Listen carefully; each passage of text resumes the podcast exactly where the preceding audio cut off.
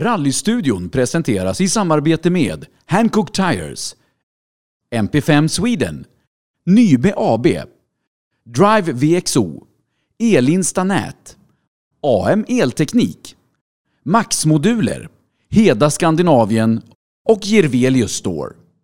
Mina damer och herrar, hjärtligt välkomna ska ni vara till veckans avsnitt av Rallystudion by Hancock direkt här på Rally Lives Facebook-sida. Idag har vi en väldigt speciell gäst, kanske en av Nordens på senare tid då mest rutinerade och erfarna rallykartläsare i VM-sammanhang. Har åkt med förare som Pontus Tideman, Emil Bergqvist, Mads Östberg, Henning Solberg och inte minst då Andreas Mikkelsen.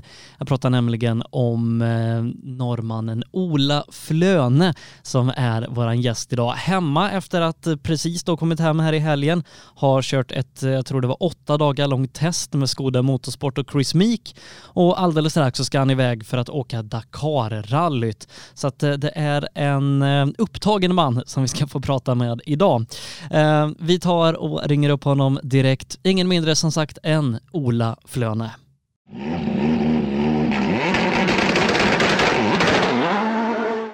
Då säger vi hjärtligt välkommen till programmet Ola Flöne. Varmt välkommen Ola! Jo, takk skal du ha. Eh, Du Ola, till att börja med, hur står det till? Oi. ehm, jeg er, eh, skal vi si, etter en eh, merkelig sesong, eh, så må jeg si at akkurat nå her i dag så er det veldig, veldig bra. Eh, det ble litt for mye for meg her en periode, så det tok litt tid før jeg fatta hvor sliten jeg vært. Og eh, jeg driver forbereder meg til Dakar, Dakar om dagen, samt at jeg er med Meek på et testprogram til Skoda. Så nei, jeg har bare stort smil på ansiktet og ja, jeg får ikke nok av verden. Jeg vil bare ha mer, jeg. Ja. For det kan ikke være langt kvar innan ni åke åka Saudi-Arabia og begynne Dakar va? Nei. Eh, de første, dem, eh, nå er det slik at han, sjåføren min han er amerikaner. Og pga. korona så har det vært slik at det har blitt flytting på kalender og tavlinger og alt som er. Så, så vi er vel det eneste av de fire bilene som ikke har fått kjørt noe særlig i år pga. koronaen og flyttinger, og han må kjøre i USA.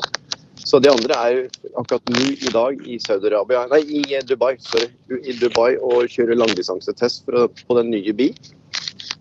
Og jeg er på vei til fjellet for å gå på truger og ja, prøve å holde meg litt i form. Så vi får bare får bruke det jeg kan for å forberede meg til Dakar. Fysisk, fysisk så er det jo greit å kunne klare å puste sjøl der borte. også. För i år så börjar vi, eller nästa Dakar som ska köras här, ni börjar väl till och med innan nyår med prolog och sånt? Ja, vi starter eh, Eller offisielt så starter det 1. januar. Eh, Da har vi, da har vi en lang Eller ikke si 30, eller ny, nyårsdagen, så starter vi egentlig. Men det er en lang, lang transport på 78 mil eh, med en innlagt en prolog eh, mellom der et sted. Og, men den ordentlige tavlingen, altså med ordentlig status, det starter 1. januar. Men da blir det å fira nyår i Saudi-Arabia, da? Ja, det blir tredje gangen. Jeg firer nyår i Saudi-Arabien, og jeg må innrømme at første gangen jeg var der, så det var litt skummelt, for jeg har aldri vært i Saudi-Arabia før. Jeg har lest mye om det i tidninger og media her oppe. Og når kl klokka slo tolv, så tenkte jeg nå skal jeg gå ut og se hvordan, hun gjør de det her i Saudi-Arabia.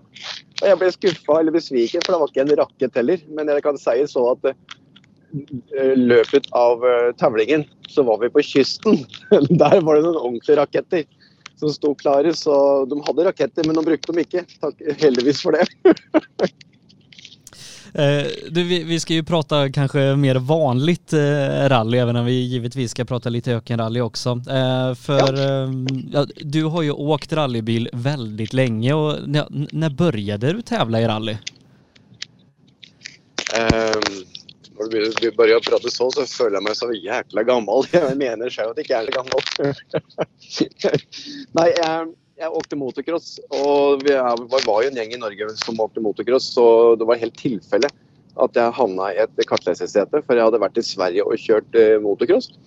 Og så stoppa vi på Eda i Charlottenberg, og der skulle jeg være kartleser. Jeg husker det jækla godt, for det var i 1988. Eh, enten 87 eller jeg Nei, det var 88, for jeg kjørte KTM 88. Og da, og min farsa, biologiske farsa, han var jo kartleser. Så det var det jeg ønska, det var å kjøre Åka rally, men det var jo aldri penger for det. Og, så jeg var motocrossjåfør. Og ja, første tevlingen min var i 88 i en Lada i Charlottenberg, husker jeg, som, som passasjer eller kartleser. Da. Og det var ja. Og, og, da kan jeg tenke meg at det ikke fanns noen tanker på at du store deler av ditt liv skulle åke verden rundt og være profesjonell kartleser? Nei, det var, det, det var, den tanken var nok ikke der da. Selvfølgelig, det var ikke så mye rally på TV-en på NRK som vi har i Norge. Vi hadde jo bare én kanal en gangen, og så fikk vi Eurosport etter hvert. Og jeg husker at da hadde de litt rally, og jeg må si at jeg var jo ja, jeg skrudde på TV-en Hvis det var noe jeg var tidlig ute på, så var det i hvert fall på rallysendinger på TV, for jeg var i hvert fall ikke tidlig ute på skolen. så ja, jeg var, jeg var, rally, det var liksom det jeg hadde det, det var interessert i, ja, det skal jeg love deg. Men, efter att du åkte där då i en lada i Sverige 88, äh, började du tävla då eller liksom hur, hur kom ja, du in i det mer sen? Det, det, det, det var første tävlingen. Ja. Og så hadde jeg bare lyst på å, å gjøre mer av de greiene her. Men den gangen så var jeg motocrossåker. Jeg, var jeg var veldig ung. Jeg, jeg var vel kanskje jeg, jeg, har ikke fått diagnose av ADHD, men du trodde vel kanskje det. Så det var ikke så mange som trodde på meg, at jeg kunne, jeg kunne være en kartleser. Men så var det en eh, like ved der jeg bor. Han eh, kunne tenke seg å Ja, hvorfor kan ikke Ola være med? Så vi delte på alle utgifter og alt sammen. Så jeg gikk jo blakk fader ulla meg hele tiden. Og vi åkte tavlinger og vi kjøpte begagne vinterdekk og vi bodde på verksted.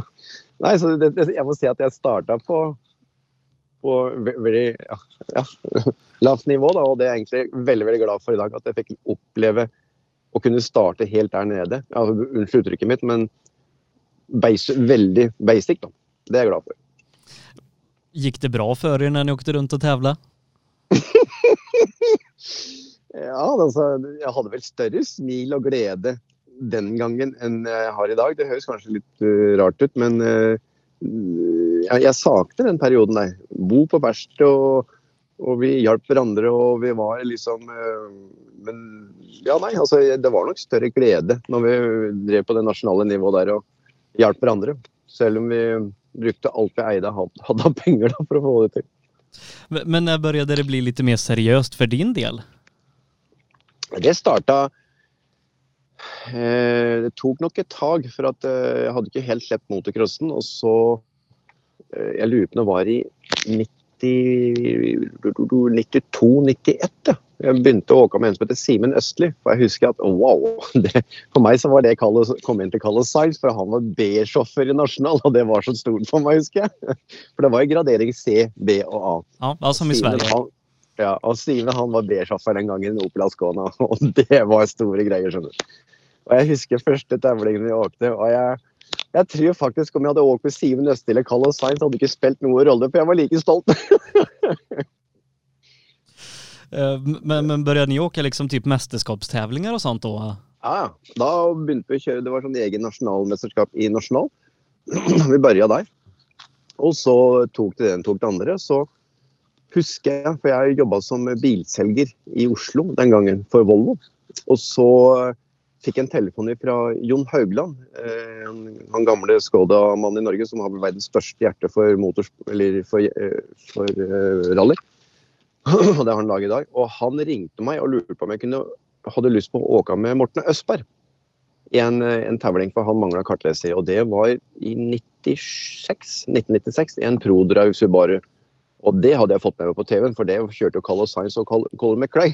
Så det var jo så det var liksom bare, Ja, det, så det gikk step by step hele veien. og og etter den tavlingen i 96 med Morten, så, så ble jeg faktisk faste kartleseren hans fra 97, 98 og 99.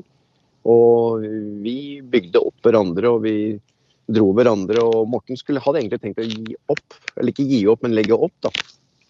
Men uh, han skyldte på meg, og jeg skyldte på han, og vi, kjørte veldig, veldig mye i Sverige. Og vi dro nok det nasjonale nivået høyere opp, pluss at Henning og Petter Solberg kom jo samtidig i den perioden der, så det var liksom Henning og Petter, Morten, eh, Birger Gundersen og Svensvold og Kolberg-brødrene. Så det ble et bra startfelg i Norge, så vi alle dro hverandre. Så, det, så det, jeg tror nok nivået i Norge starta nok fra den tida der. Så jeg fikk jo være med på det.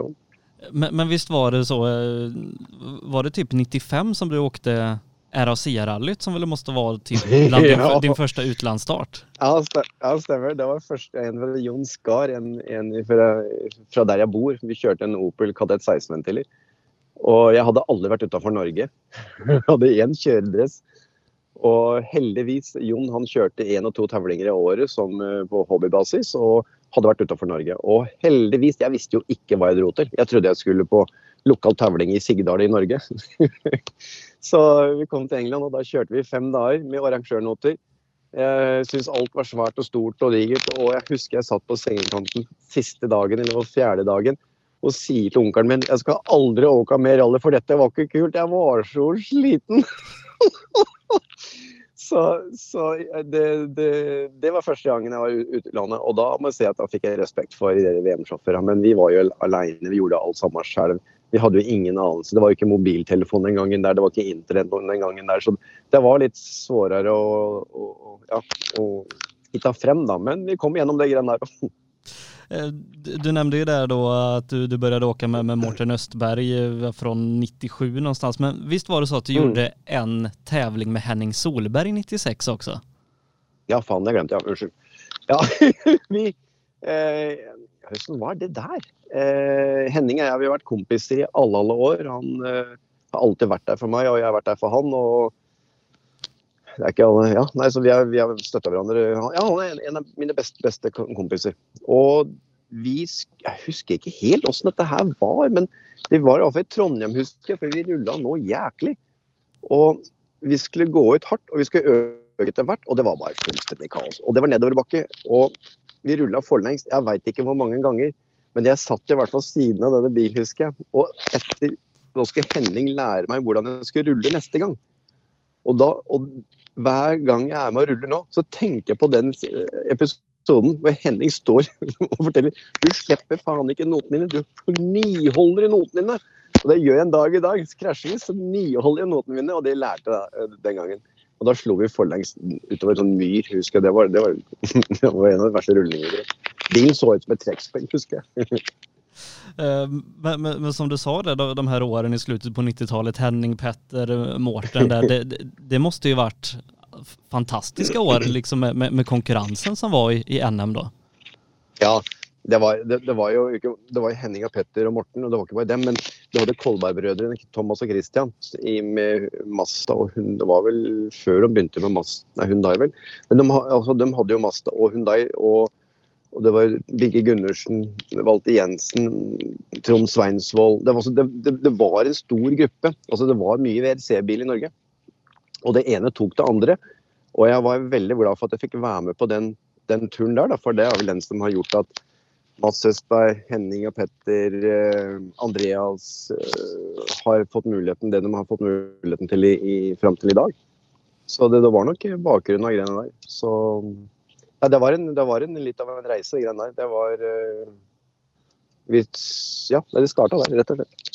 For För det, det måste varit någonstans där som rallysporten verkligen tog, tog fart i Norge, ja, när, Henning och Petter och, och så började komma ut i världen och, och ni hade den konkurrensen på hemmaplan också. Ja, altså, Henning og Petter hadde jo ikke De hadde jo skal si, de, de brøyta en ny vei. Altså, de, de åpna nye dører, veldig mange nye dører. Eh, De gjorde noe som vi andre trodde ikke var mulig. Eh, Den kommer fra helt vanlig familie, som jeg gjør, og, de, de fikk tak i og de fikk mye mer media. De fikk mye mer oppsving i Rally Norge. Så jeg vil legge skylden på Henning og Petter at de fikk til dette greiene og så fulgte de andre på. Så, så, og de beviste at det var mulig for andre folk å åke rally, og ikke bare rallycross. For rallycross var den tiden der som var liksom størst, da de kunne få budsjett til. Men det, det fiksa faktisk Henning og Petter, og, og fikk det til på et vis. Så, så det, var, det var en Det var en Ja, det var nok åpninga for uh, videre i rally i Norge at Henning og Petter kom. De skal ha skylda for det der. Men, men började du i säg slutet 90-talet, början 2000-talet tenke at, at VM var mulig for dig? Ja, altså, jeg, jeg, har alltid likt utfordringer. Jeg har alltid sett muligheter. Og nå skal jeg legge skylda på en som heter Petter Solberg for at jeg begynte på dette greiene her. For det, det, skjedde det at jeg ble spurt uh, før Henning Nei, Petter gikk til, til uh, Ford. Nei, nei, til ProDrive. Så ble jeg spurt om å begynne å kjøre grusnoter der. Og da hadde jeg akkurat hatt en stor krasj med, med Martin Stensolen og tatt ryggen. Ryggen min har vært på sykehuset to ganger først for en ansiktsskade, og så tok ryggen. og Da tenkte jeg nå er det nok, nå vil jeg ikke mer. Og så tenkte jeg grusnoter, det hørtes så bra ut. Så jeg skal åke av grusnoter for Petter. Men så, i samme moment, så mangla jo Henning også kartleser. Så da skal vi prøve på igjen. Så det, det, ja, det, det starta, ja, det starta der. För du och Henning åkte väl RAC-rallyt, en Corolla 2000? Ja. ja. Du har lært leksa di, hører jeg. Ja. Du, vet nesten, du må nesten jeg bare smile, for jeg, det er ting jeg nesten har glemt. Uh, ja da, nei, det, det, det, var det at jeg skulle egentlig åkt grusnoter med Petter uh, når han gikk til Subaru, men så havna jeg i Corollaen til Henning. Uh, men det funka veldig veldig bra. Det. Men som sagt, vi er verdens beste kamerater, men vi passer overhodet ikke en rollebil sammen.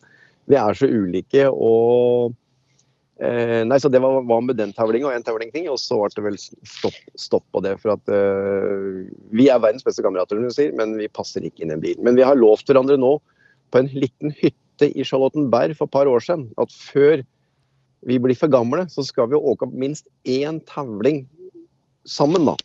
For å se om vi klarer å kjøre en tavling. Uh, uten å bli usams. Men jeg, jeg, jeg tviler på det. Eh, för det är lite kul när man kollar resultaten. Du, du och Henning åkte ju några VM-tävlingar i, i Corollan där och tittar man Rally mm. Portugal 2001 så står det stuck in the mud som anledning till att ni inte kom vidare. Ja, stakkars, stakkars. Vi var opp ned i the mud kunne stått der. for vi, vi, Det var jækla tåke, og det var, vi kom dit, og det var virvar, og bilen var ikke i stand. Det, det, var bare kaos. og Den gangen hadde vi som sagt ikke GPS. Vi, hadde ikke, vi, vi, vi var noen ordentlig amatører på tur, men vi hadde bra redskap. og jeg husker en prøve en dag i dag. Den prøva går faktisk nå eh, i VM-rally, så det var kult å kjøre den for et par, par, år siden. For liksom, jeg kjente meg fra flere steder. Og det var dimmig. Vi så ingenting. Og vi skulle lage tider, men vi endte opp i, opp i en, en, stor bekk. Upside down, og vannet rant gjennom. Og det var ikke stuck i mud, nei, det var upside down, kan jeg si. Men eh, du, du nämnde ju eh, Kolberg där och Hyundai. Visst var det så at mm. du, du åkte med eh, Kolberg i Hyundaien lite grann? Ja, jeg var, jeg var med begge brødrene. For en, Per Karlsson, Rally Travels i Sverige, altså Per Karlsson, mm. Jeg fatta ganske tidlig skulle jeg komme ut og lære dette her, for da hadde jeg egentlig mer bestemt på at dette her vil jeg gi et forsøk til og, og, og komme ut og kanskje gjøre noe ut av det her. Altså bli kanskje kjøre, kjøre rally på heltid. For jeg så jo andre kunne få det til. Da tenkte jeg hvorfor kunne ikke jeg få det til? Og da var det Petter som egentlig starta hele greiene. For han fråga meg, han kom på jobben, vil du sitte her og selge bil? Og han ga meg ideen til å liksom Hvorfor ikke prøve? Når andre har fått det til, så kan jeg prøve selv. Og Per Karlsson var den første som, som uh, hjalp meg. Og vi hadde jo ikke noen erfarne kartleser i Norge, så så Per han hjalp meg, og jeg startet med å reise rundt Eh, nesten et helt år. Hvor jeg reiste etter på alle VM-tavlingene for å lære å se og observere. Og fikk oppgaver av Per å kjøre. Og da kjørte jeg også med en østerriker samme perioden for å få ja, internasjonale kontakter og sånne ting. Og så, mens jeg var hjemme, så kjørte jeg med, med Kolberg og mange andre. For Per sa til meg, husker jeg, mange er jo ikke enig i det her, men Kjør med så mange du kan, for alle sjåfører har noe å bidra med. Så jeg var og kjørte med alle som én. Altså der det var seter og dem som ville ha meg, der, der åkte jeg. Jeg veit at noen ikke syntes det var riktig, men eh, dem som hadde erfaring, dem sa til meg at gjør det. Så jeg kjørte, kjørte mye og reiste mye rundt på alle VM-tavlingene. Og den som faktisk betalte Jeg hadde ikke penger. Den som finansierte og så mulighetene mine, det var Morten Østberg. Så Morten Østberg betalte alle reiser og hyrebiler og hoteller og, mens jeg reiste rundt. For um, han syntes det var kult å være med. Han. Altså, han var ikke med, men altså, følge, med. Så, så, jeg gjorde noe som ingen andre gjorde, gjorde, da. Så jeg brukte ett år på å bare reise rundt. ja. For för, för eh, någonstans där runt 2002, du åker ju då med, med vad heter han, David Doppelreiter. ja. Eh, i, Österrike. Men, men, du åker ju också med, med Kolberg där som du nämnde och eh, Bernt Kollevold åker du väl en hel del VM-tävlingar med i, i en Grupp M-bil? Ja, Altså, jeg kjørte jeg fikk med, altså Når Per Karlsson hjalp meg, da, og jeg reiste rundt og, og lærte meg tevlinger, lærte meg områdene og sånne ting, så, så kjørte jeg med David Dopperater. Han var jeg sammen med i fem år. Samtidig som jeg kjørte med Bernt Kollevold, for han kjørte Production Cup, altså gruppe NVM som det het den gangen. Og da fikk jeg VM-tavlingerfaring. Vi fikk kjøre på notene til henne i Petter Solberg. Og jeg fikk eh, litt hjelp til, Phil Mills. Og det, så det, det starta i små dager. Jeg fikk mye tavlinger der med forskjellige sjåfører. Og, og da var også Kolberg var der også, så jeg kjørte med dem eh, ofte hjemme i Norge og Sverige. Så jeg, jeg reiste rundt og levde fra hånd til munn. og og fikk det til å gå rundt på et eller annet vis. Ikke spør meg hvordan jeg fikk det til, men det var en opplevelse. Jeg, jeg var mange steder samtidig. Men, men det måste varit, varit häftigt liksom att komma från Norden som vi gör och åka till länder som Nya Zeeland, Australien. Ja. Er, jeg fikk jo, jeg har vært så heldig at jeg har fått oppleve det. Det var veldig stort for meg denne gangen. Og det er egentlig litt likedan som det er nå, når jeg begynner med ørkenrally. For jeg har jo gjort det nå på fulltid siden 2018. Og jeg trodde jeg hadde opplevd verden, men jeg må, si det at når jeg fikk begynte å åke uh, ja, med motorsykkel, jeg begynte med motorsykkel i ørkenrallyene og var i Marokko på kryss og tvers, Saudi-Arabia, Dubai, Abu Dhabi. og, og vært rundt der nå, så jeg må si at jeg, jeg får oppleve verden på nytt igjen. Altså, det er, uh, jeg må si at Skandinavia er egentlig veldig lite, og det er mange forskjellige kulturer jeg opplever. Og, nei, så jeg føler litt det jeg driver med nå om dagen, det føler jeg litt tilbake den gangen jeg var ja, på, på slutten av 90-tallet. For För eh, liksom den delen av världen eh, åker väl du och, och Doppelreiter i en del, för ni åker väl det här Asia Pacific? ja, det var også Vi havna der og skulle kjøre Asian Pacific. Og igjen så hadde vi ikke verken GPS eller Garmin eller eh, smarttelefon som vi har i dag. Og jeg fatter ikke en dag i dag. Jeg har tenkt flere ganger på åssen fant vi fram? Jeg, jeg, jeg forstår det ikke. Det, vi hadde nok noen retningssanser og noe, noe flaks. Og, og Ja, nei. Så det, det var Jeg husker en gang vi var, var i ja, det var en eller annen stand i disse landene der, i hvert fall. Jeg lurer var Singapore. Ja. Dra, ja, India var det. Vi var dratt inn, vi skandinaviske europeerne, vi var dratt inn i eget føremøte hvordan vi skulle oppføre oss vi hadde, hvis vi hadde råket borti en, en elefant. Og Da liksom ble vi rådet til å liksom gjøre slik og slik hvis vi kjørte opp, åkte på en elefant. Det var sånn der, det, Du opplever vel ikke det i Norge? så det, det, så det, det var en egen opplevelse. Så det, det har vært en big adventure, uh, hele greiene. altså. Eh, Richard Patrick, eller Patrick Richard, där känner vi svenskar till lite grann. Mikael Johansson åkte ju med, med honom några tävlingar, kanadensare, men, men, men det gjorde väl du också? Ja, altså et, eh, Jeg hav- havna borti han. Jeg husker ikke hvordan det skjedde, men vi har iallfall kontakt en dag i dag. Og søsteren hans har jeg kontakt med. og vi, han, oi, Unnskyld, det var nesten stygt å si. Jeg glemte nesten han. Um, ja, nei, vi, vi holdt sammen eh, et halvt års tid, vel, og siden har vi hatt kontakt en dag i dag. Og så Søsteren hans prata jeg med for et par uker siden. Så vi, eh, Der har jeg også lært jeg veldig mye. Så det handla hele tida om, som Per Karlsson sa, ut og åka med mange forskjellige for å få erfaring. Det vet jeg mange er uenig i, i hvert fall her hjemme i Norge. Men eh, det var veldig veldig stor lærdom for min del at Per, per var den kaller for mentoren min. Og det, det er jeg takknemlig for i dag. Vi vet jo at du åkt med, med Mads Östberg her på, på senere år, men, men du var vel med fra början når han begynte å åke ungdomsrally i Sverige? Ja, det var faktisk Da vi tilbake til det som Jeg var ikke noe så veldig happy for det greiene der. Men jeg, jeg, jeg skyldte Morten Østberg så mye tilbake fordi at han finansierte den tiden som jeg reiste rundt for å lære meg VM-tavlinger og liksom komme inn i miljø. Så, så jeg måtte være med Mats når han var 16 år og, og kjørte i Sverige med den røde Opel Asconaen. Og det Ja, stemmer det. ja. Merktes det redan da at, at Mats var en så, duktig sjåfør som vi vet at han er i dag? Ja, for fasiken. Ja, ja, ja. Der, det, han hadde talang, og han det, Ja, ja. Og ja, du, den kuleste tavlingen jeg gjorde med Mats, det var i Nord-Sverige. Jeg husker faen ikke hva det het oppi der.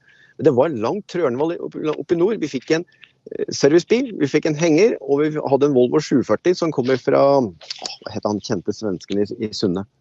Eh, Kent Eh, Karlsson? Nei? Ja, bilen kom derifra. Oi, ja, husker jeg vi åpna den derre den der luka bak, ikke sant. Og da står jeg og kikker på den der svære 740-en. Så sier jeg faen, skal vi kjøre med dette, eller? Ja, ja. Det var ordentlig bra, bra bil. Og det var først, en av første tevlingene Mats og jeg kjørte. Og jeg husker at vi tok igjen 00-bilen, og det, det, der, der, kom det opp en minnelse som jeg egentlig nesten har glemt. Ja. jeg, jeg, jeg, tror at ni kom 19 totalt i tävlingen og resultatene stemmer, og det, det er veldig ja. bra i en, i en ungdomsrally 740. Hadde fjerna den jævla 00-bilen som vi tok igjen flere ganger, så hadde det blitt enda bedre, for han kjørte så langsomt. det husker jeg nå. Det husker jeg ordentlig godt når vi tok igjen han på én eller to strekker. Det, det, det var, faktisk kul greie. Det, det, jeg glemt. Eh, du, du, har jo åkt med litt svenske sjåfører gjennom eh, karrieren, men en av de første svenskene du måtte åkt med, var vel Tobias Johansson når han skulle ut i VM? Ja, det var eh, vi, Det var vel egentlig Per Karlsson igjen der også, tror jeg, som hadde en finger i spillet der. Men eh, som sagt, Tobias og jeg vi var så ulike, og han hadde fått en mulighet i Sverige som eh, Jeg var nok ikke rett mann på rett plass der. Det, det, ja, nei, så vi, jeg starta så vidt med Tobias, men det, det ble ikke til noen ting. Det gjorde ikke det, dessverre. Nei, ni åkte, jeg tror i Vennes og Svenska rallyt i, i Olsberg ja, spiller. Ja, ja, ja. Hadde, I dag så skulle, hadde det vært greit, ingen problem, men den gangen så var det det, Nei, det, stemte overhodet ikke i det hele tatt. Det, det funka ikke.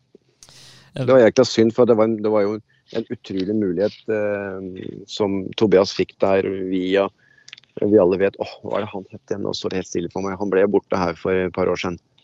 Ja, just det. Med eh, Olsbergs der. Eh. Ja, stemmer. stemmer. Det er utrolig, ja. Så ja, nok om det.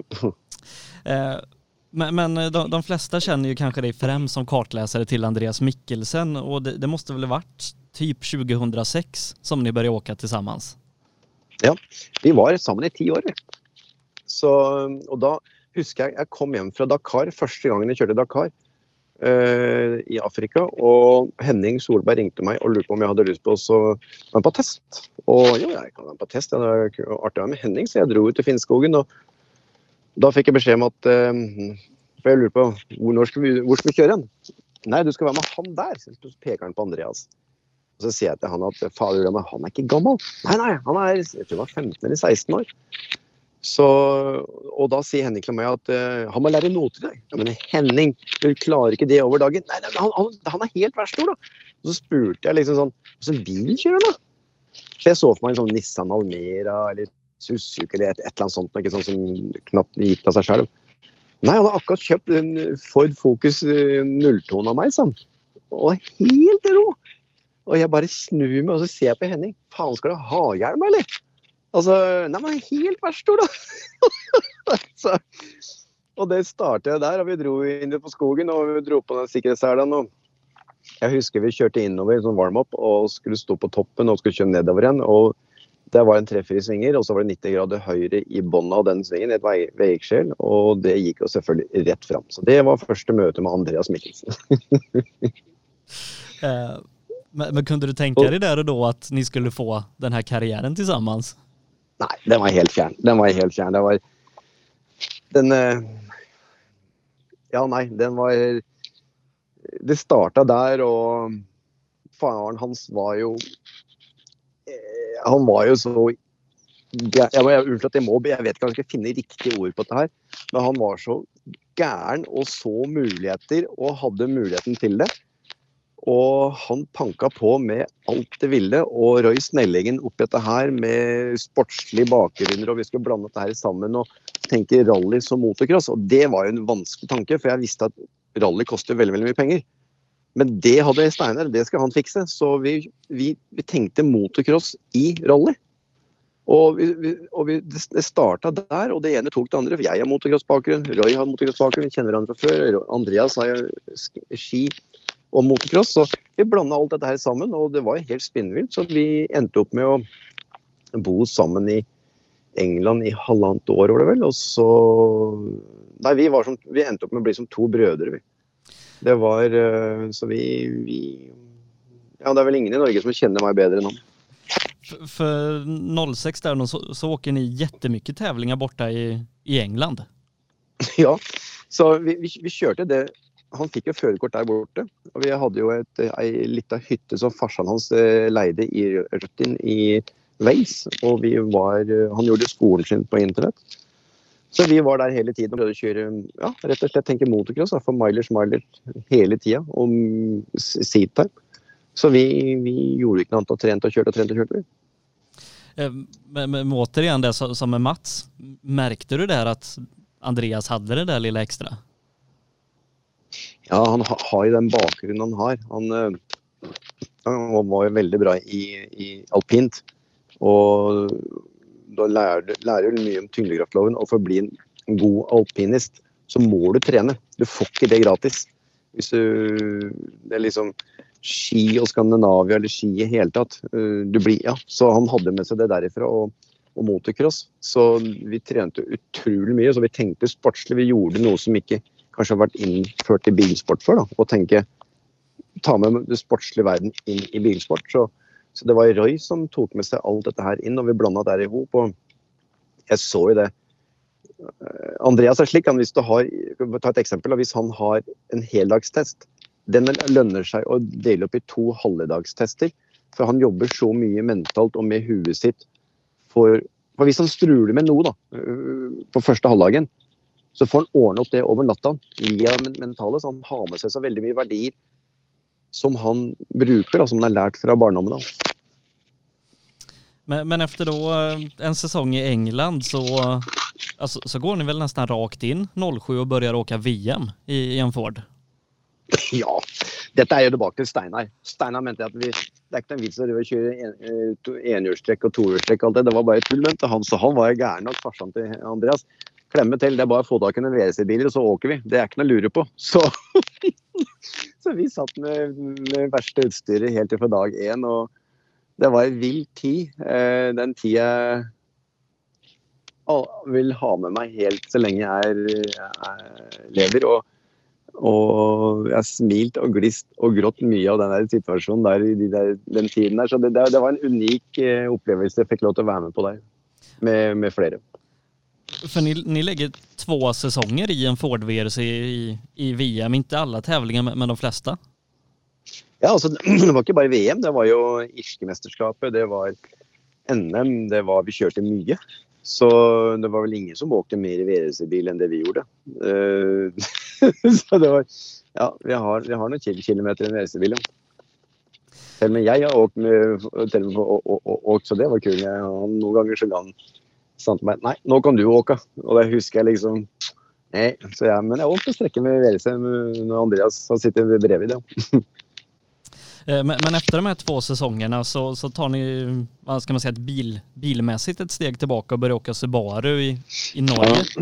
Det var, det var litt sånn der, Jeg tror nok den tiden var veldig bra, det, det som skjedde der. Selv om det var så mørkt og håpløst ut. og altså Bekmørkt når det, det skjedde, for det var den finanstida som kom. og Mm. Det drabba, drabba en del ting, og da plutselig sto vi på bar bakke. Vi hadde ingenting. Jeg husker eh, Andreas kom hjem til meg den 25. desember 2008. Da kom han hjem til meg, og så satt vi i sofaen, og vi visste ikke helt hva vi Ja. Så var det noe som heter romjulsrally, da. og ja, nei, så skal vi prøve å få tak i noen penger for å kjøre det. Det er en sånn Volvo 240 original. Vi måtte jo liksom gjøre noe. Ja, vi var jo helt utafor. Først så var jeg veldig veldig bortskjemt å ha alt, til ikke ha noen ting. Og da mener vi hadde ingenting. Men Bernt Kollevold fikk jo stoppa oss til å gjøre det greiene der. Eh, og så husker jeg jeg tok en telefon til Einar Nei, eh, Einar, Einar, Einar Staff, eh, Erik Veiby. Og Markus Grønland var tett opp, opp med oss den tiden der òg. Han var i Trysil. Og jeg ringte begge to. Og vi endte opp med at, at eh, Jeg vet ikke hva som egentlig skjedde, men Erik Veiby var på julefeiring i Finland. Han dro hjem, dro rett til Trysil. Tok et møte med Markus Grønholm. Jeg vet ikke hvorfor at det der helt skjedde, men det var et eller annet der. Plutselig så gikk en da, uke eller to, så hadde vi plutselig en Subaru Cupbil som skulle starte i Norge. Og da sier Erik at eh, hvis dere lover meg å gjøre allting riktig, så kan dere starte med den der, så får vi se hvor det blir. Og da brukte Erik et år, år, halvannet år på å bygge opp ideen som han tydeligvis han hadde gått og lekt med, å starte noe som heter Even Management, som er veldig, veldig bra i dag. Så det, det Even Management starta rett og slett med det med Andreas der i eh, 2009. og men det var bra for Andreas som, og meg å get back to basic og kjøre med den cupbilen og ja. Eh, fra å være liksom helt der oppe, materialistisk, og bare komme tilbake. Og det tror jeg faktisk var et stort lyft for Andreas å kunne oppleve det. Og det Hadde ikke han fått opplevd det, så tror jeg ikke han hadde klart å komme dit han er i dag. Eller var. För, för ni åker ju den här Subaru, ni åker ju i Sverige en del också och, och sådär. Men, men, ja. men, ni åker ju också några internationella tävlingar i, i Super 2000 och eh, ni, ni, åker en tävling i Opel Corsa Super 2000, ja, den här bilen som, som man knappt känner till. Ja, da skal faktisk, der kom det også en ny greie som jeg egentlig nesten har glemt av. Erik, han eh, Verby som heter, han, han eh, fikk muligheten av Citroën å sette Andreas inn jeg husker ikke om det var Australia eller hvilket rally det var. Det var et eller annet rally i hvert fall. Og da fikk han en veldig bra pris av Citroën for å teste Andreas. Og dette var i 2009. Og det, dette var mens vi hadde jeg vil kalle det for en gedigen lokal nasjonal suksess med Subaru Cup-bil. Som vi, vi, Jeg må innrømme at det var kanskje litt sjølskryt, men vi var jo outstanding i den bilen der. Og det, vi var jækla kul. Og da fikk Erik muligheten til å sette Andreas i en Citroën. Men det tok litt tid før han klarte å bestemme seg, og da ble den bestemmelsen tok litt for sent. Og da tror jeg Erik også ble besviken for hva som skjedde der. For sporten var ganske ny for Erik òg, og hva som foregår internt. Og da samtidig så ringte han der som drev denne Opel-teamet her, og lurte på dette her. Og da bare nappa Erik til med en gang. Jeg tror ikke han tok omtrent betenkningstid, jeg tror han bare hoppa på. Jeg tror han var besviken for det som hadde skjedd med Citroën. Og da skal vi kjøre den greia her, men det var jo en skrotkasse uten annen verden. Det var jo Ja, men det var for første møte vi fikk med IRC, som vi ble værende i 2010, 11 og 12. Men det, det, var, men det også var sikkert en bra grunn at vi havna borti den, den operaen i Varum-rolle. For da fikk vi oppleve IRC og få se hva det er. For vi alle var jo så opptatt av VRC. Men IRC hadde jo ordentlig oppsving den gangen der. Ja, eh, så, IRC som sen da ble EM eh, några ja. år senere. da. Eh, ja. For liksom efter det året i, ja, i Subaru prova på Super 2000 IRC så at, til året efter, da prater vi 2010, da åker ni vel en eh, Ford Fiesta Super 2000 i IRC just? Ja, men da hadde Erik sammen med Einar Staff og Nils Tronerud og Volt Jensen i Norge stifta det firmaet som i dag heter Even Management. Vi kalte vi starta vel med Even Rally, men det heter vel Even Management i dag. Med Roy Snellingen som, eh, som, som er kaller for styr hele greiene. Og um, Erik og Einar den gjengen der, de fikk gjort en avtale med Malcolm og Hancock Deck Eh, så vi skal kjøre ERC med en Fiesta. Og Malcolm eh, hadde bil og logistikk og alt sammen. Og det var eh, egentlig kallet for starten på den ordentlig seriøse starten på Even Management. För, ni åker ju det mästerskapet och har, har ju vissa framgångar. Tvåa på Skottland, jag tror ni vinner någonting på Cypern va? Men, men sen så kommer väl Skoda-avtalet i slutet av året? Ja. Ja, Skoda-avtalen kom faktisk eh, slutten av det året der. Rett, eh, rett, før tavlingen på, på Kypros, siste tavlingen der, så skulle vi kjøre noe som heter Golden Stage. Det husker jeg nå. Og der var det, det var sånn der Nasser kom, og det var flere som kom. For det var liksom en, en stor pengepremie der hvis du vant den strekka. Og nå, da signerte faktisk Skoda UK sammen med Erik den avtalen for 2011, var det vel. med Skoda UK som branding. Eh, alt var gjennom Skoda Motorsport i Tsjekkia. Men, eh, men, vi skulle representere det engelske flagget. Da. Og Det ble litt sånn, litt sånn eh, tjafs, husker jeg, med de, med de nasjonale førerne i England. Men det, det, det forstår jeg. Men som, ja. Så det, så det var egentlig store starten på det store.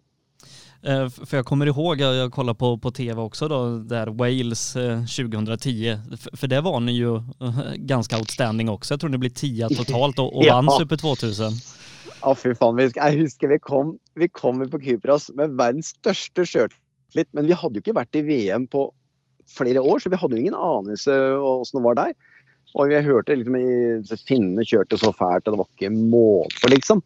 Ja, vi visste jo ikke bedre, for vi hadde ikke vært i kjørt Super 16 i VM. Vi har drevet i IRC og drevet med Subaru Cup, og vi, hadde ikke, vi har mista forhold til hva som skjedde i VM.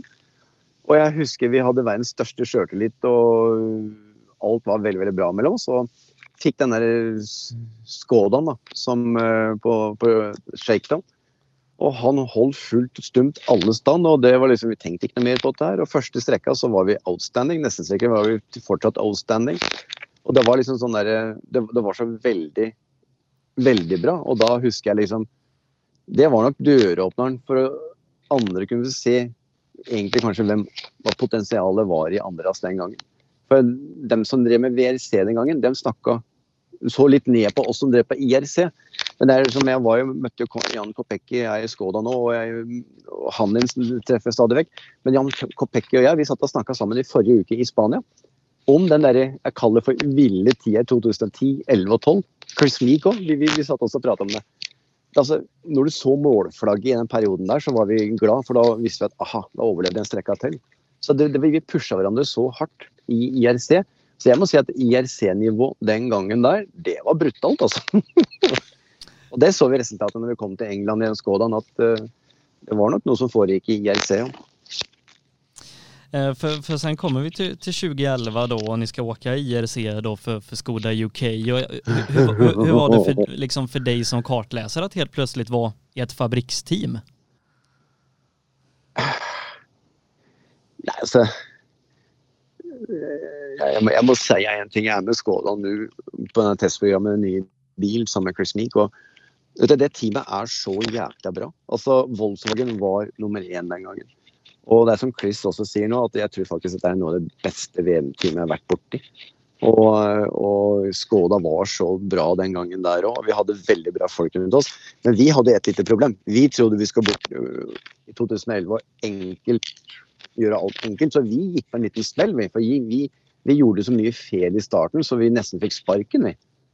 Så vi måtte virkelig resette alt og liksom komme oss ned på landjorda igjen. For vi tok litt av, vi. Så vi, vi, måtte settes på plass igjen og, og, og børja for, scratch. Men vi klarte jo heldigvis å vinne i 2011. Men det er takket være Skoda UK, managementet og, og Skoda. Men spesielt, jeg må jo ta frem Even, even Management med Roy Snellingen, Erik Veiby og, og Einar Staff. De, var en stor, stor faktor i det her. Fy fader ulla meg. Altså, vi, Ja, det har vært litt av en reise når vi sitter og prater sånn som vi ja. gjør sammen med deg nå. Eh, for ni vinner jo da 2011 i IRC mm. og, och, fortsätter å kjøre IRC 2012 men ni, ni mm. begynner vel for, for da hadde dere ni noe kontrakt med, med Volkswagen Motorsport også innenfor deres VRC-comeback? Ja, det, det, det, det starta i 2011, det der med, med, med Volkswagen. Første løpet, aller første tavlingen de kjørte, for de kom jo fra Dakar. Og den aller første tavlingen de kjørte som rallyteam, det var i 2011 i Finland, for det var Andreas og jeg som kjørte. Og det husker jeg liksom, det var helt i starten, men egentlig det ikke folk var klar over. Vi ble kontakta i 2011 av Sven Kvant. Den telefonen husker jeg Erik Weiby fikk på bassengkanten i Kypros.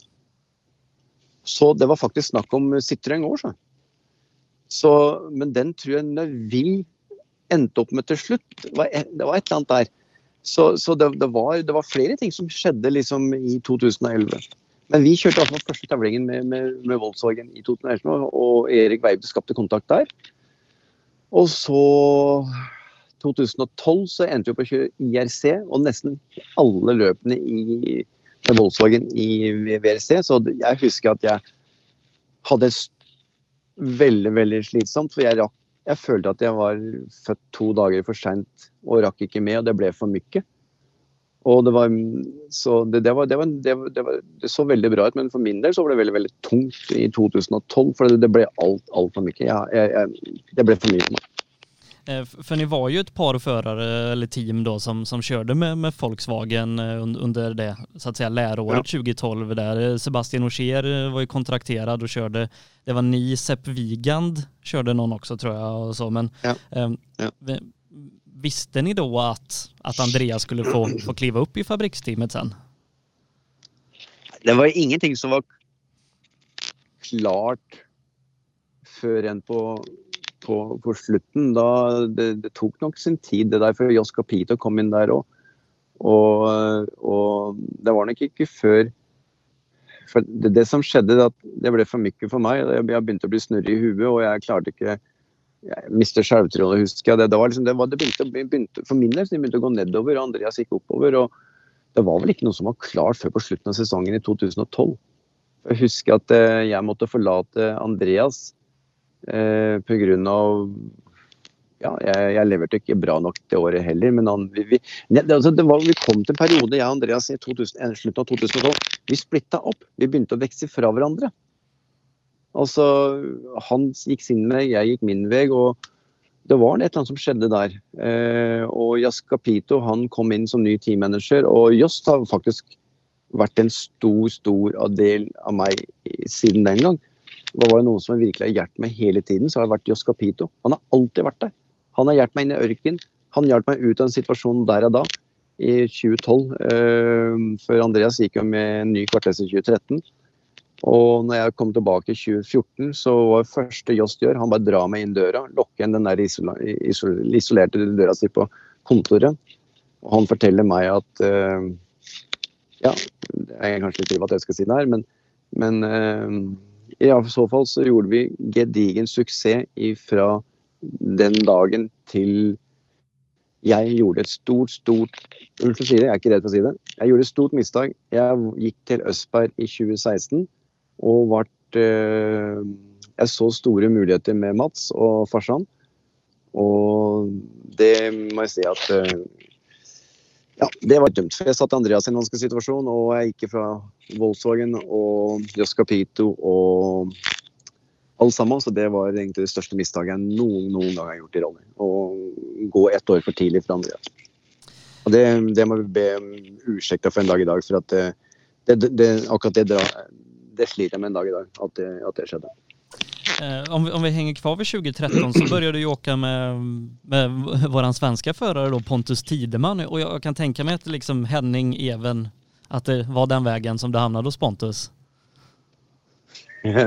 Maud fortalte meg når Pontus var liten og vi åkte ATV ut i, ut i gården der En dag så skal du bli kartleseren hans. Pontus var jo ja, Hvor høy var han? Ikke meter engang. og da husker jeg liksom det Maud fortalte meg du skal bli kartleseren hans. Og jo da, i 20, 2013 så åkte vi, åkte vi, sammen. og Det startet med svenskerally i den der Fjærestad. Og det var jo en, altså en og det var jo en gedigen greie. Fy faen. Altså, det, alt var så enkelt. Vi gjorde de strekketidene. Det var liksom der, jeg husker Powers, eller Shakedown som var kvalik den gangen. og og Nei, fy fader. Vi, og han hadde mista plassen sin, jeg hadde mista plassen min. Så vi var jo Det var jo to stykker som var super hungry to get back in business. Og, og ja, så gjorde vi bra i svenskeralder. Hele motoren stoppa. Og så fikk vi mulighet til å gjøre junior-VM, og så vant vi jaggu med det òg. Og eh, det, det, var ju ja, för, för, oss svenskar, vi hade ju inte haft eh, någon VM-chaufför som, som PG Andersson och, och sådär. Det var ju en stor grej för, för Sverige när, när ni vann junior-VM där. Men, men, hur var det för dig att bli juniorvärldsmästare? Nej, alltså jag ble ju mobba av de andra. För eh, Denis Cheradé, gamle kartleseren til Carl Oriol, han, var, han sa at nei, nei, for jeg var sagt at jeg var verdens eldste juniorverdensmester. Men det mente Denis det, at han var den eldste. Så jeg, gikk, jeg, jeg, følte meg så mye eldre etter den, der, den, der, den sesongen der. For jeg, folk ikke har gått og kalt meg for gamle mann hele tiden. Så jeg Så jeg, vet ikke, men det var jo kul å være med på det òg. For jeg husker da jeg og Pontus begynte med de greiene der. Var jo, alt var veldig utrygt. Eh, vi måtte jo, vi brukte jo det vi fant eller som kunne, kunne komme i gang. Og hjalp hverandre tjukt og tynt. Og begge to var supermotiverte. Men jeg følte ikke si Det var kult å komme tilbake, for vi satt i sånn sånn skole. De hadde alltid sånne, sånne informasjonsmøter i, i junior-VM. Og det var egentlig jævla kult, for der satt jeg som en, tilbake som en elev. Og Louis Moya satt der og holdt foredrag eh, Ostier, som jeg har fått veldig godt kjennskap til. Og den satt og så på meg og, og smilte. Der har vi liksom Ola, det har vært, det har, det har alltid vært veldig mye smil og latter og glede og mange rare opplevelser. Det har vært det. Eh, så du åker med Pontus några tävlingar 2014 men sen så som du sa kommer du tilbake til, til Andreas hur var det liksom å komme til av hva som da kanske var og er et av verdens beste VM-team någonsin? Det, det var litt snålt. Eh, Andreas og jeg hadde helt klart godt av den perioden vi var borte fra hverandre. For vi hadde jo vært sammen i så og så mange år og bodd sammen i så mange år og gjort alt sammen. Og vi, som jeg sa i stad, vi, vi, vokste fra hverandre litt. Så, så jeg tror Andreas hadde, godt, hadde godt av å oppleve en annen person siden av seg. Og når jeg kom tilbake, så var vi tilbake der vi var. Og han hadde opplevd sitt, og jeg hadde opplevd mitt. Og vi har vært på hver vår side. Og det funka bare så utrolig bra igjen. Det var liksom en, restart på hva vi holdt på med. Og ja, nei, vi liksom jeg, jeg, tror det, jeg, tror det, var veldig bra at vi hadde det oppholdet, men vi, vi hadde jo Jeg husker ikke hvor mange pallplasser vi fikk ja, på halvannet år, men det var i hvert fall veldig mye. Ja, og ni, ve veldig mange pallplasseringer. Nesten hver tävling var ni på pallen. Ja, det, det var, det var, jeg husker en gang vi skulle kjøre inn i Parfumé. Etter, for vi, for vi, det var i Australia. Så var det sånn kjøre parfymé. Åssen faen gjorde vi det? Liksom? Vi hadde ikke gjort det på halvannet år. så vi var, Det var liksom normalt når vi var på podium, så var det andre som tok bilen til parfymé. Så jeg husker det var sånn derre hm, Som kommer hit, da.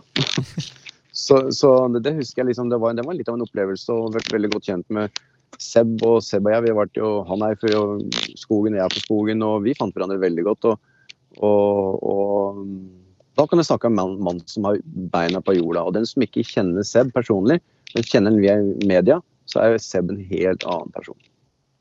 Han er så down to earth. Jeg bare få tatt det. Tatt det.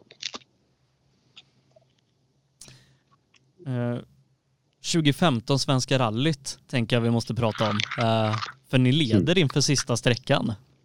Värm, ja. Värmulsåsen då. Ja.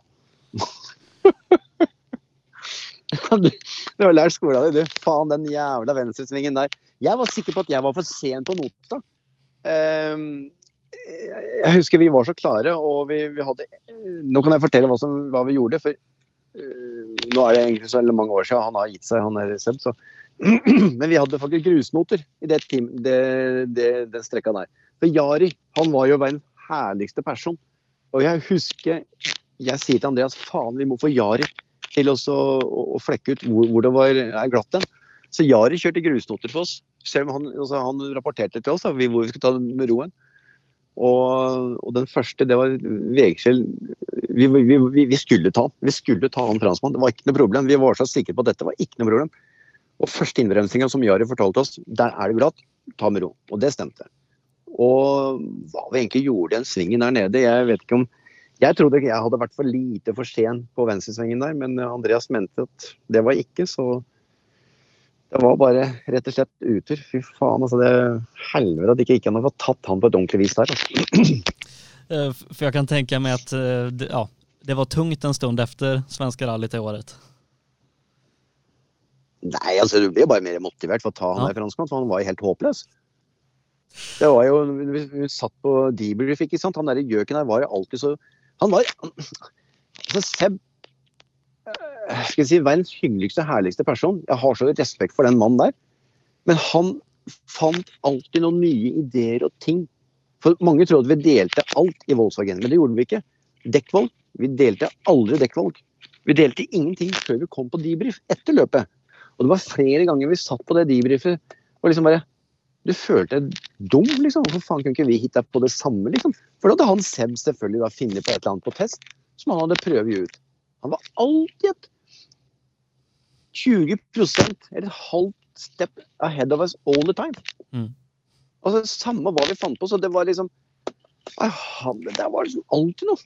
Og det er liksom der, og det var sånne enkle ting som Selv om han hadde vært der og testa før oss, så delte ikke teamet det med oss. Det var liksom en policy som Jost ville ha i teamet. Det skulle være intern konkurranse. Vi skulle ikke dele sånne ting. Og det var jo når en kom til M-sport, for der skal deles alt. Helt ned til Super 16-bil. altså. Så det var det ikke Volkswagen. Vi delte ingenting. Men, men sen så da kommer vi til Spanien. Eh, og, og da kan jeg tenke meg at då var det litt gladere minner efter tävlingen når när, faktisk vann rallyt. Ja, det var surrealistisk. Jeg husker så veldig godt, for vi var i hard fight med, med Jari. Og vi trodde vi hadde rota bort dette her på streka før, for Andreas hadde funnet en måte å få dekka For å rotere dekkene bedre, da. Så hadde han funnet noe greier på Excel-program. Så det, Vi holdt jo nesten på å komme for sent på nest siste strekka. Det husker så godt. Og jeg sa til ham nei, ikke gjør det! Dette skulle vi gjøre. Så vi endte opp med ikke fikk varme opp dekkene godt nok. Men da var det så stress mellom meg og han at vi fikk ikke tak i at Jari hadde gjort en mistak før, så vi hadde egentlig god tid. Så det skjer jo på nest siste strekka, så klarer vi å snurre vi rett etter start. Vi har ikke nok varme dekkene. Og, og, så oppdager vi det at oi sann, vi, vi kom i mål at vi leder foran Jari. Og Oshier tenkte vi ikke på, for han var vel 20-30 sekunder foran oss der. Men så skulle vi opp til å kjøre power stage, da. Og da skulle vi Vi måtte jo ja, prøve å få holdt plass på han der Jari. Så vi hadde så fokus på Jari. Og, og, og, og Sev før start han gikk jo rundt og sparka i bilen og sparka i gjerdet. Eh, det er Power Station, no problem. Det er jo bare som å kjøre bob, bob, OL, i bob, sammen med sånne bob med sånne, sånne akegreier. ikke sant? Ja. For det er jo autobahn hele veien opp der, så det er ikke mulig å få kjørt av veien. så, og så husker vi kom i mål, ikke sant, og vi var mer opptatt av Jari, Jari, Jari. Og så sier han at gjør det vinner, gjør det vinner. Og jeg hørte jo ikke det for Andreas. Plutselig sier han at vi har vunnet. Og så hører jeg på radioen inni, inni hjelmen at vi er off, but we are OK. Og da tenkte jeg hva faen er det som skjer? Og da, det var et øyeblikk, et moment som Ja, du, du, må nok oppleve det for å fatte hva som egentlig foregikk der. Uh, og ja, det, det måste ju varit en otrolig känsla efter alt du og Andreas gjort i, i tio år, liksom att att få vinne ja. et VM-løp? Ja, jeg hadde håpa at vi kunne vinne i Sverige, for da hadde vi vunnet på real fight. For at, eh, Der hadde vi den faktisk, han der eh, Oshieren. Og Spania så fikk vi det litt gratis, da. For at eh, han gjorde en fjell. Han åkte av. Så, så det hadde vært, hadde vært en skal være ettertid, så hadde jeg håpa at vi kunne ta gjort det i Sverige. Så vi, vi, hadde jo muligheten veldig mange ganger i 2015, og vi gjorde utrolig bra. det, og Det er også en av grunnene som plager meg så veldig at jeg forlot Andreas et år for tidlig i 2016. For alt lå til rette. Og jeg tror faktisk at vi kunne faktisk ha klart det i 2016. Eh, men, men, som du var inne på då, og, og, sagt så, så, går det jo til Mats eh, 2016 der i, i M-sport. Og om, ja, om man ser liksom på, på de positive greiene, hvordan var det å återförenas med, med Mads igjen? Nei, vi, vi, hadde kjent hverandre som sagt lenge. Jeg har vært Morten og jeg vi har alltid vært der. Morten har alltid vært der for meg. Og Morten har alltid vært en, en stor bidragsyter, en support for meg. Eh, som jeg sa tidlig i sendinga, at eh, han, jeg, jeg, måtte reise rundt og lære meg VM-tavlingene.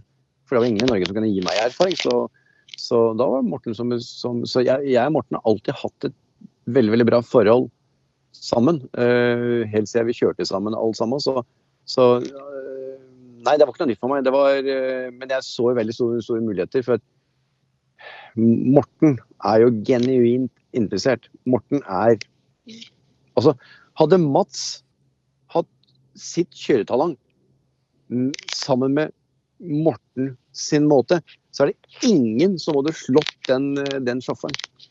Så, så det var egentlig Mats var vel opptatt litt mer familiære ting og sånne ting som sto mer for han. Så det var egentlig Morten og jeg som gjorde den dealen eh, at jeg skulle kjøre med Mats. Mats eh, Det var han som satte opp mm, hva vi skulle gjøre, hva vi tenkte og framtid og sånne ting. Så, så jeg, jeg, jeg, jeg, Ja, jeg ja, og alltid respekt til Morten. Så jeg vet ikke om jeg skal si, si dette her, for det blir feil og riktig uansett hvordan jeg sier det. men jeg gjorde feil, feil, valg akkurat da. Og jeg fikk valg, et valg, og jeg gjorde et feil valg, dessverre. Så jeg sier beklager til Andreas og systemet der for det, og Jost. Og jeg ser jo store, store muligheter med Mats, men akkurat den perioden der så var Mats litt mer opptagen av andre, andre ting i sitt liv enn kanskje rally. Eh, men, men, vi måste någonstans også nevne det, det måste väl vara Wales, der du, du blir vel ormbiten? Ja, for faen. Av alle plasser, vet du. Den eh, var jo komisk, vet du, for jeg hater jo slanger og alt det greiene der. så, så skulle, var det Shakedown, så skulle de eh, i England. Og så skulle de eh, TV-programmet De skulle lage en sånn forhåndssending, da. Eller forhåndsprogram for uh, uh, Australia.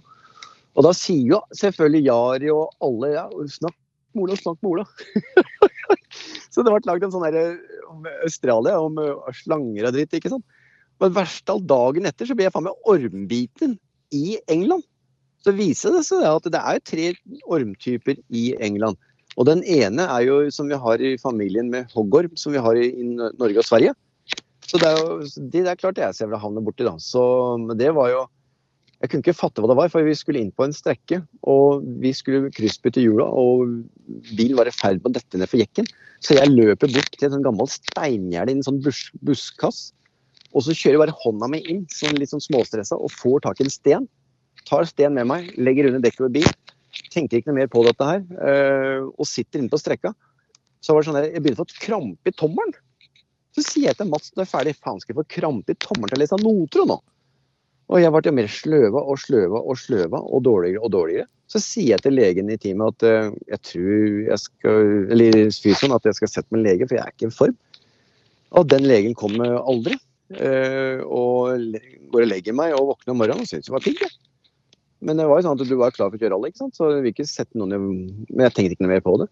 Så sier, sier Mats til meg etter to, to streker Ola, du må oppsøke noe. Det er noe som har skjedd med deg. Det, er, ikke deg. Og Da går jeg bort til Volkswagen på en sånn regrupp, og da ser de to sånne hakk i, i hånda mi, og, så, og veldig hoven. Så sier han har du vært borti noe? Nei, jeg har ikke det. Og så har han bilde av de to, to stikka, da. og da viser at uh, jeg fikk svar med en gang at uh, garantert det der er, ser ut som et uh, ormbitt. Jeg tenkte ikke sånn at det. Og da fikk jeg noen tabletter, og da, da funka det veldig bra. Men jeg sleit med faktisk det der um, i en, en periode etterpå. For at jeg var på sykehuset i, Oslo, for jeg ble jo aldri i form igjen. Og det var en måned etterpå. Da viste at jeg hadde en sånn gift i kroppen min som Noen personer tar det fort, og noen det, tok det lang tid før de ut. Så det, det sleit jeg med faktisk en måneds tid. In i 2017 då så fortsetter du litt grann med, med Mads og, og da åker ni ju de her nye VRC-bilarna, 17-bilarna då. Var det liksom nu, nu de är pensionerade här sen, sen förra veckan? Var det att åka en sån bil? Nei, det var, det var en ny opplevelse. Det var jo Chris Meek øh, og kartleseren, dem hadde jo Jeg hadde jo veldig mye kontakt med han jeg har hatt hele tida, og han, han, sa det at det er en ny verden. Han måtte skrive notene sine på en annen måte. og det husker første testen vi hadde med den der bilen der, det var etter, faktisk etter Australia. Eh, Monte Carlo-test nedoverbakke på asfalt. Og jeg husker etter to-tre rønn med den bilen der, så må jeg innrømme at jeg tok en kaffekopp, gikk ut av bilen, gikk bak traileren og gikk en runde med meg sjøl og sa at nå har jeg blitt for gammel. Dette her går for fort for meg. At, eh, og da fikk kjørt et par kilometer til, så ble det naturlig. Så det var en Ja, det var, det var litt, litt av en redskap. Jeg kjørte jo tester med Andreas i Pirelli, og da kjørte vi Citroën. Og eh, jeg har hatt en tur i en sånn bil, så med, som jeg var jo med, sammen med Pontus også en sånn bil. Så jeg har vært så heldig at jeg har fått muligheten å være med i en, dagens gruppe B-bil, for å si det sånn. Eh, men efter Polen då så, så åker inte du med med Mads, men du börjar åka med Emil Bergqvist istället eh, i, i, i R5 där slutet av 2017. Nei, ja, sånn Emil, han Faen, jeg har vært mye på steder. Emil er en person som jeg ikke gir meg på. Det største føretallinga noen, noen gang har vært borti, og det er to stykken som altså det mener som er noen naturtalent, som uh, er virkelig, virkelig Og det er Emil Bergqvist, pluss Meek. Mm. Det, er ikke, det, det gir meg ikke på. Og det sa jeg til Mathias nå. Uh, han der er ikke kartleser, han. Han skal være sjåfør. Som jeg kan si, så at uh, Mathias har en plan. Ja, det, det är skönt att höra. Jag, jag jobbade ju med Emil Bergqvist eh, de här åren som hans media manager. Jag vet han, han ringde mig dagen efter att han och Joakim hade gått isär samarbetet och han sa Sebastian, vet du någon kartläsare?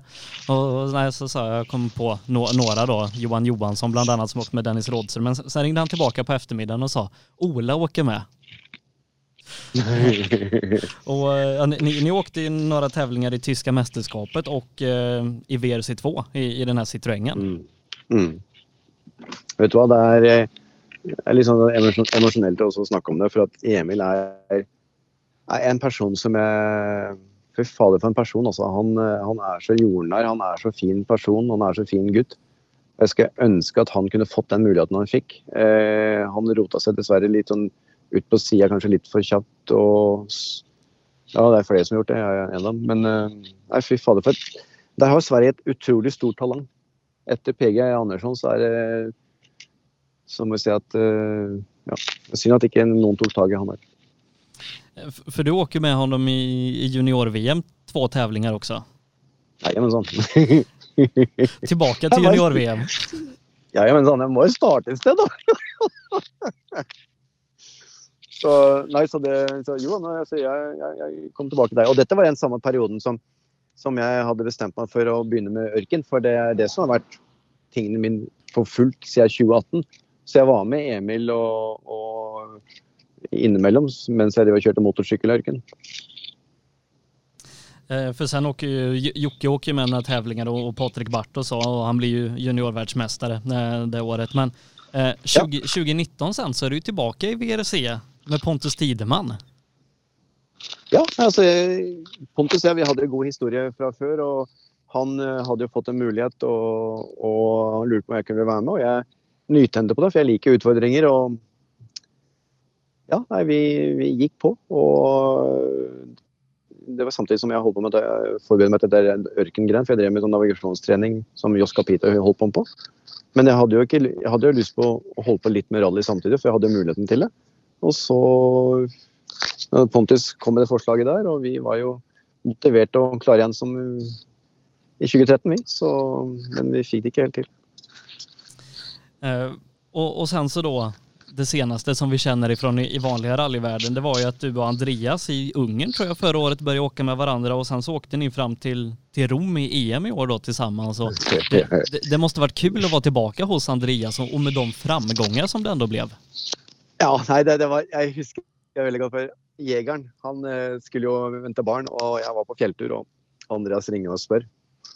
Og de gangene Andreas og jeg ikke har kjørt og sammen, så har vi ikke hatt noen kontakt. Det har vært liksom helt dødt. Så jeg ble så overraska når han ringte meg. Og eh, jeg har jo vært på kontrakt med Red Bull Dakar Team siden 2019. Eller høsten 2019. Og det har vært førstepri for, for meg, og er, den kontrakten er ganske hard. Og og så ringer Andreas, og da fikk jeg lov av Red Bull å kjøre den tevlingen der. Og jeg hadde egentlig bestemt meg. Rally er jeg så ferdig med som går ned for blikk. Jeg ville ikke mer. Altså, jeg hadde fått nok. Jeg hadde fått oppleve nok, så jeg ville ikke mer. Det var ørken som gjaldt.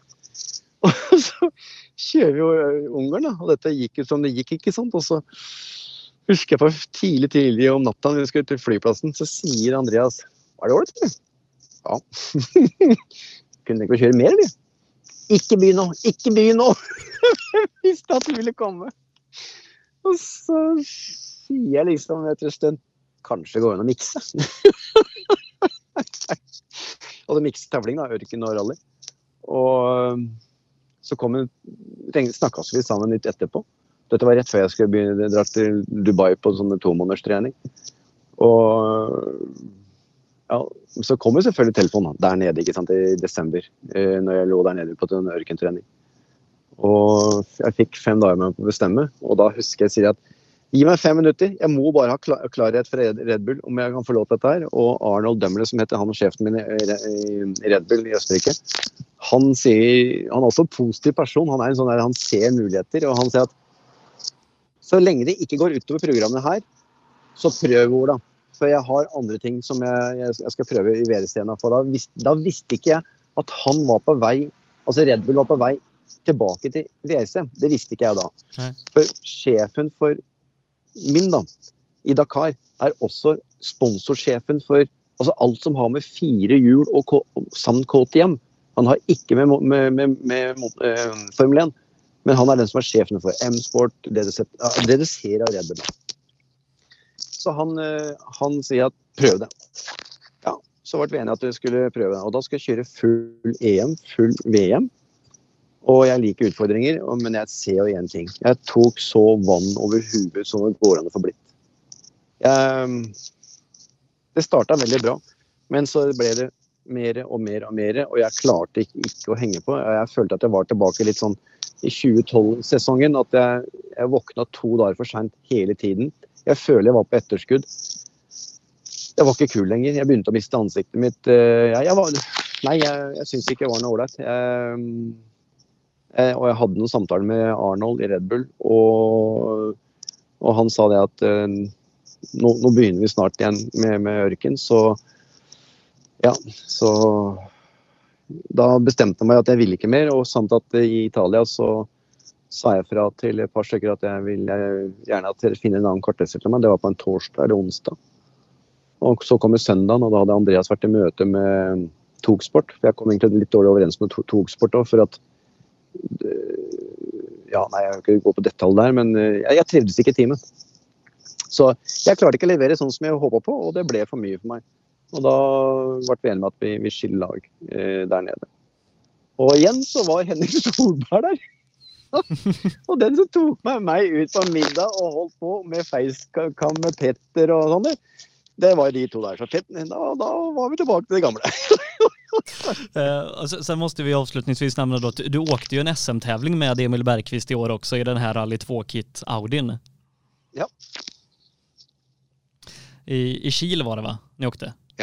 Uh, faen, jeg husker ikke hvor vi var. Det var i Sverige i hvert fall. Jeg husker ikke hva det var i Kiel, kanskje. Ja. Vet, jo, det var, det var Snakk om å være dum. Ja, det var i Kiel. Det var i Kiel. Så, så, så ja, det, det, husker jeg. Det var liksom For både Emil og Mathias er i ørken, og jeg har fått veldig god kontakt med begge to der, så vi, vi prater hele tiden. Og um, siden vi er eneste i, fra Skandinavia som holder på med det, så har det blitt naturlig at vi henger sammen. Så så det var en jævlig kul greie også å være med på. Og, og prøve den bilen som Mathias har der. Men vi så at det, det var jo Den bilen var jo undermotorisert, og jeg husker at vi mangla en halvkilo trykk på turboen. Men så henger på med PG og sånn, det, det, det, skal nok mye gjøre. Men fy fader, for en kul bil det var. Altså, han, minner meg, han minner meg veldig mye om si, Polo og Fiesta, den, eh, den, den, den Audien der. Ja. Eh, men, men eh, er du ferdig med vanlig rally nå? Er det bare øken som gjelder framover? Nei, jeg er ikke Ikke spør sånn, for jeg veit jeg vil bruke mot meg senere. Altså, jeg liker utfordringer, jeg liker nye ting. Um, når jeg slutta med Andreas i rally, så ble det forespurt samme dagen eller dagen etter av Chris Meek om jeg ville være med på et testprogram med han eh, i Skoda. Så jeg sitter og åker bil mye hver tredje, andre og tredje uke med Chris Meek i den nye Skodaen. Og vi har kjent hverandre i mange mange år, så jeg er ikke helt ferdig der. Og jeg er sammen med Skoda-teamet hele tiden. så Pluss at jeg har dette ørkengreiene, så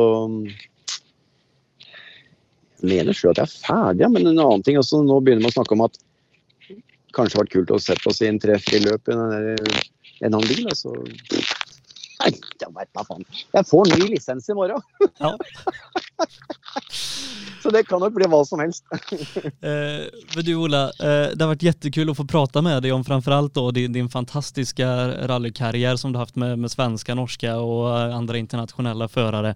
Eh, så ønsker vi deg stort lykke til nå i, i Dakar-rallyt og ja, allt annat du, du tar deg an og så hoppas jeg at vi, vi kanskje får se deg i, i Sverige på noen tävling framöver igjen jeg, jeg, jeg, tør ikke si noen ting lenger. Altså, alt kan skje. Motorsporten er så uforutsigbar. Så alt, alt, kan skje. Men vet du hva, jeg må takke så mye for samtalen jeg har hatt med deg. For at nå har du gitt meg fått dratt opp noen nye, gamle historier som egentlig nesten har gått i glemmeboka. Så det var utrolig kult å prate med deg, for jeg nå opplever at wow, jeg har opplevd en del.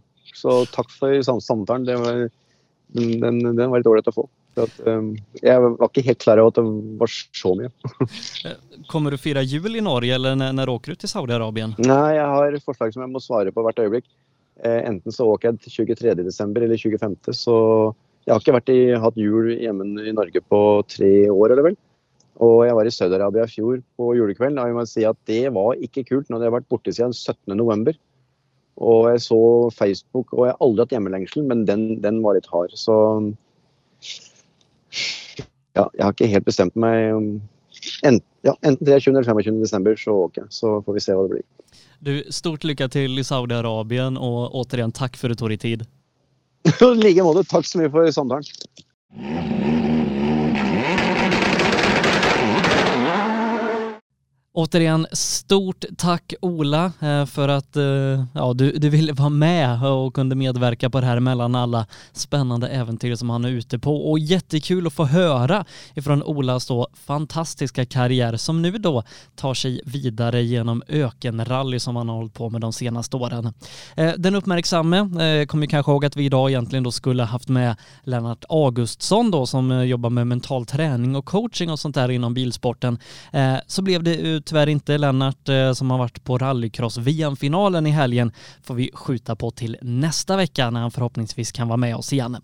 Eh, återigen, stort tack för att eh, du tittat och lyssnat på det här. Nästa vecka är vi tillbaka igen för årets näst sista program, så missa inte det. Fram tills dess säger jag Sebastian Borgert på återhörande.